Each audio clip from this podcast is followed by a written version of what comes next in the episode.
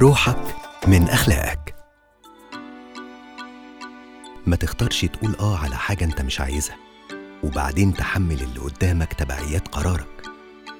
تبعيات قرارك إنك هتحس إنك مضغوط وجاي على نفسك ومش مستريح وبالتالي أي حاجة من الطرف التاني اللي أنت جاي على نفسك عشانه هيكون ليها رد فعل مبالغ فيه منك وهتلاقي نفسك بتطلع عليه كل الغضب اللي جواك اللي هو في الأصل من نفسك مش منه. اتعلم تقول لأ بلطف لأن ده من تمام حقك. مش محتاج تدي اللي قدامك مبررات. ابتسامة لطيفة مع كلمة لأ ده للأسف مش مناسب ليا في الوقت الحالي.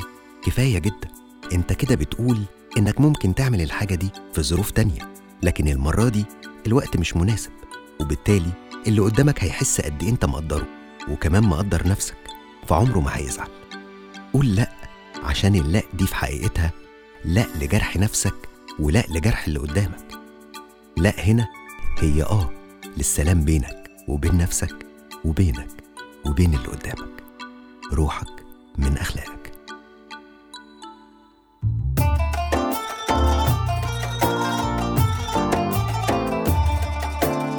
روحك من أخلاقك.